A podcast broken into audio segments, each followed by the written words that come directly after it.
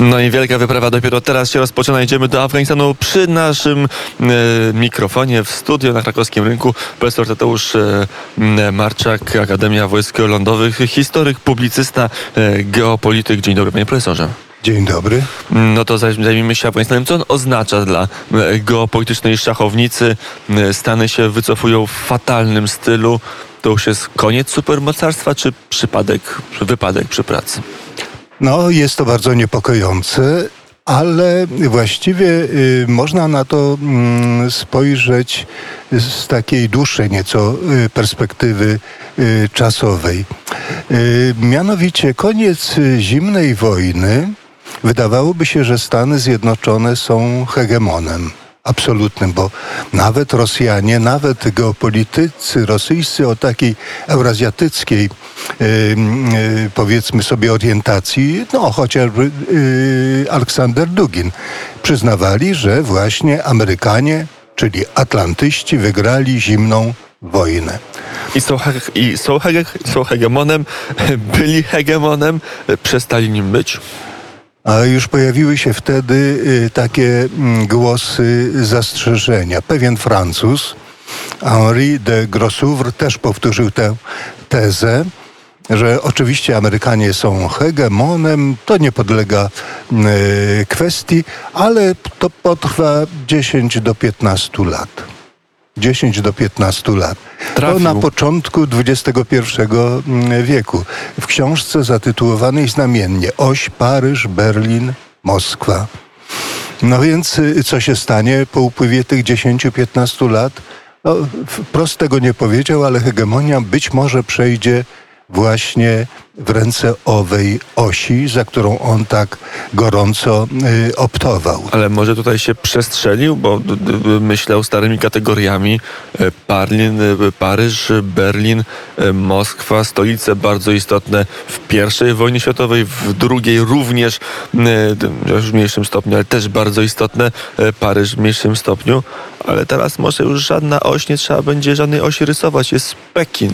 Punkt. I to zmienia wszystko. No, Oczywiście Pekin jest, jest jednym z tych ośrodków, ale y, tu powiedział pan, że to jest mm, stare myślenie. Rzeczywiście jest to, jest to stare myślenie, bo sięga końca XIX wieku. Wtedy pojawiły się już takie propozycje na terenie Francji, ale także na terenie Rosji jeszcze przed y, rewolucją i przed pierwszą wojną y, światową.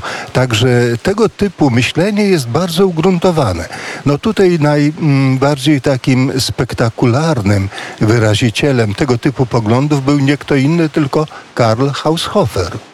Karl Haushofer, który głosił mm, koncepcję y, bloku kontynentalnego, obejmującego, tak jak on to opisywał, Mitteleuropa, czyli Trzecia Rzesza, Eurazja, czyli Rosja, no i Japonia.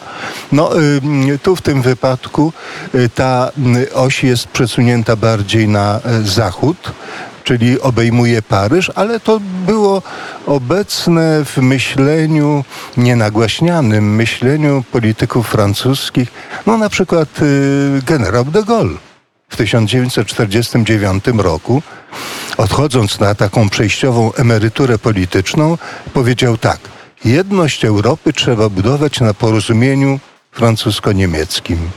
Jeśli osiągnie się to porozumienie, to wtedy będzie można zwrócić się w kierunku Rosji, jeśli zmieni ona swój ustrój społeczny. To na ile jest tak, że y, klęska amerykańska w Afganistanie, chociaż to, że za- zaraz wrócimy do tej Europy układanki europejskiej, a Afganistan, ale najpierw chciałbym dopytać, czy to jest klęska, bo e, wiele osób mówi, że, że to, i może mają rację, że to nie jest klęska, bo wojska amerykańskie nie zostały pobite.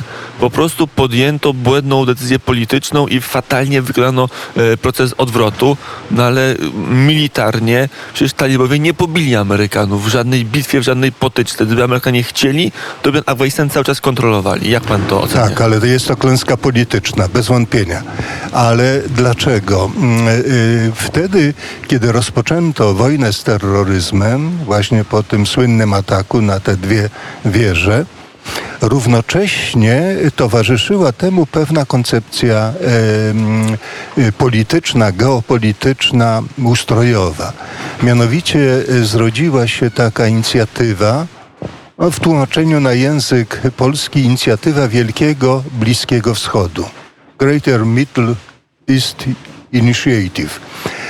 No, jedną ze współautorek e, tej koncepcji była pani Daniel Pletka, a która właśnie e, wycofanie się Amerykanów z Afganistanu potraktowała jako wielką klęskę. Więc na czym polegała ta inicjatywa? Na demokratyzacji, sekularyzacji także, y, tych społeczeństw muzułmańskich, bo ona obejmowała y, obszar właściwie od Maroka do mm, y, nawet do Indonezji, czyli właściwie cały świat islamu. No i tutaj jakie sprawy wchodziły w grę? No, równouprawnienie kobiet na przykład, także dostęp do edukacji, Mm, walka z bezrobociem, no i oczywiście, mm, oczywiście ustanowienie demokratycznych reżimów. Y, właściwie to tak efektem tego być może były te słynne rewolucje w krajach arabskich, ale one nie doprowadziły do demokratyzacji. Mm, to już trochę zakładając, odkładając te Chiny na kolejną rozmowę z panem profesorem, mm, e, wróćmy do tej Europy. Na ile Afganistan, na ile ta klęska polityczna Amerykanów w Afganistanie e, przekłada się na jakąś nową konfigurację na starym kontynencie, e, włączając do starego kontynentu Rosję? No właśnie, mm, ta, y, y, czyli jeszcze wracając do tego y, elementu tej inicjatywy. Okazało się, że Stany Zjednoczone, mimo wydawałoby się nieprzebranych środków, zwłaszcza medialnych, nie są w stanie kontrolować procesów politycznych lub wpływać na procesy polityczne w tak odległych krajach jak Afganistan. Ale tutaj, mm, to wróćmy może jeszcze do tego końca e, zimnej wojny i początku tej hegemonii, hegemonii y, amerykańskiej, już takiej absolutnej, niedzielonej z nikim przez krótki okres czasu. I właściwie pojawiały się tutaj takie trzy konstrukcje. Tak jak gdyby mm, one wypływały tam z różnych, z różnych wypowiedzi, tendencji.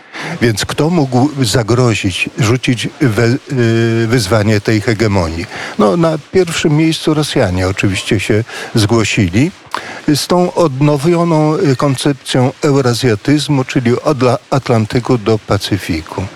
Y, właściwie y, mamy tę rocznicę, rocznicę ataku, mm, ale w tym samym miesiącu, wrześniu, tylko dwa tygodnie później e, na forum Bundestagu Putin e, zaproponował zjednoczenie Europy i Rosji, Unii Europejskiej i Rosji w przemówieniu, które zostało bardzo gorąco e, przyjęte przez deputowanych.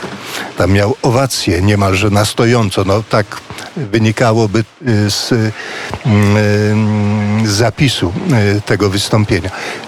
Właściwie ta propozycja, ona została medialnie przykryta przez ten atak w Nowym Jorku, ale, ale ta tendencja została odnowiona później, kiedy w 2010 roku znowu na łamach mm, niemieckiego dziennika Süddeutsche Zeitung, kiedy to y, Putin y, mm, zaproponował tą wspólną przestrzeń od Władywostoku do Lizbony.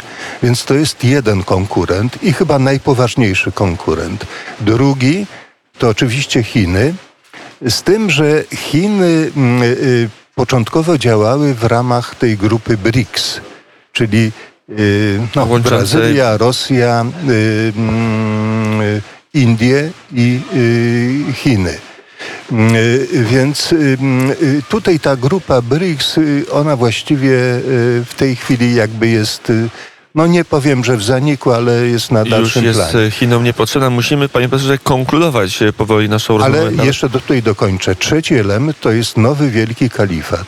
Idea zjednoczenia wszystkich muzułmanów od Maroka po Indonezję.